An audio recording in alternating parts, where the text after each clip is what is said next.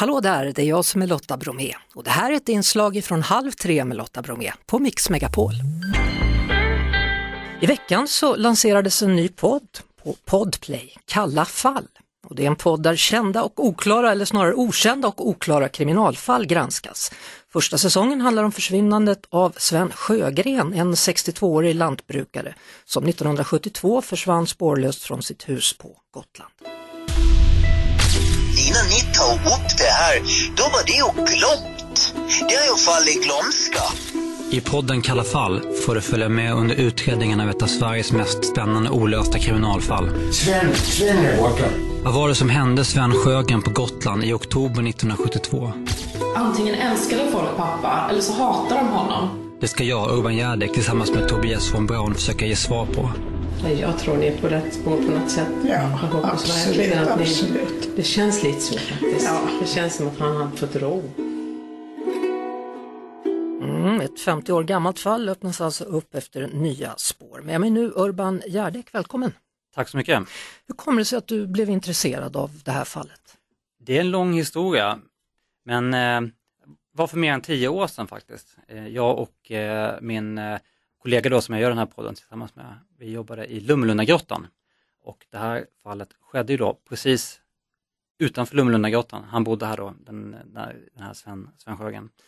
Så att eh, vi hörde talas om det här fallet, eh, så att vi diskuterade det på kafferaster och liknande. Och eh, sen så blev vi bara mer och mer intresserade och började gräva i gamla tidningsarkiv och till slut fick vi då faktiskt ta del av hela polisutredningen och på den, på den vägen är det. Du har då sagt att det här är ett av Sveriges mest spännande kriminalfall, varför då? Ja, alltså det som är spännande med det här fallet är ju att det är liksom inte ett så här vanligt fall att eh, eh någon eh, dricker för mycket alkohol och slår ihjäl någon på fyllan eller eh, något eh, tillfälligt bråk som uppstår eller sådana saker, utan det här handlar liksom om affärer då i det här området. Eh, den här Sven Sjögren, han satt på väldigt värdefull mark då som eh, låg omkring den här grottan och som plötsligt hade blivit väldigt, väldigt värdefull när den här turistattraktionen öppnade upp. Och det fanns då olika personer som ville komma över den här marken, men han ville liksom inte sälja den. Eh, men då upptäckte han då en, en dag att marken, hans mark hade sålts till en person som han absolut inte ville, ville sälja den till. Mhm. Och eh, efter det försvann han. Mycket märkligt. Eh, I nästa vecka då så ska man söka efter nya spår då med hjälp av hundar. Ja, precis. Vi har ju bedrivit en slags insamlingskampanj här under det gångna året. Att försöka få ihop pengar för att eh, hyra in då någonting som kallas för en skeletthund. Som är en eh, specialtränad hund då som eh, luktar då efter mänskliga skelettrester.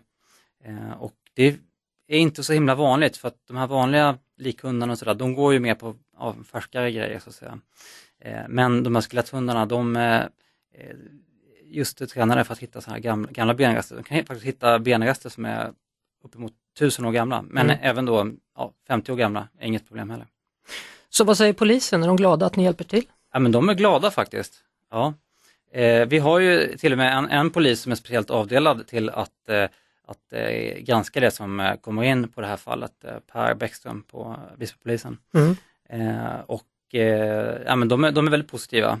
Då, det är ju, betraktas ju som ett öppet ärende det här fortfarande i och med att det är ett försvinnande, men det är inte längre ett mord. Så att det liksom, finns ingen förundersökning för mord, så de kan inte eh, bistå med, med alla resurser direkt, utan det är därför vi har haft de här in- insamlingarna och så där, för att få loss, loss de resurser Mm. som man måste ta in utifrån. Men, men tror du att det här fallet och gåtan nu kommer få sin lösning? Alltså det, chansen är absolut inte 0% utan den finns ju där. Vi, vi letar ju på det här området av en anledning. Det är inte så att vi bara är ute i skogen och gräver på måfå så att säga, utan eh, vi har ju fått in nya, nya spår som har varit tidigare okända för polisen. Mm.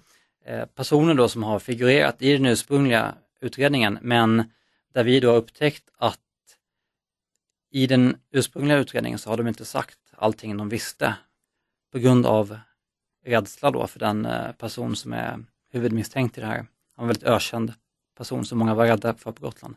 Så att eh, anhöriga då berättat att för dem så har, eh, har det berättats saker då som eh, som ni nu har fått reda på. exakt. Första avsnittet finns alltså på Podplay. Tack så mycket för att du kom hit Urban Gärdek och ett nytt avsnitt kommer sen då varje onsdag.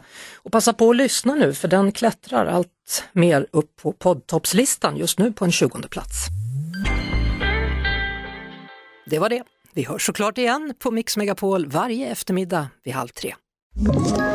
Ett poddtips från Podplay.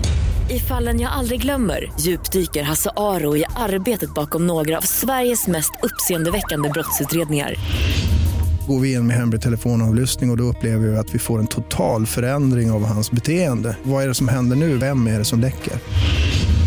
Och så säger han att jag är kriminell, jag har varit kriminell i hela mitt liv men att mörda ett barn, där går min gräns. Nya säsongen av Fallen jag aldrig glömmer på Podplay.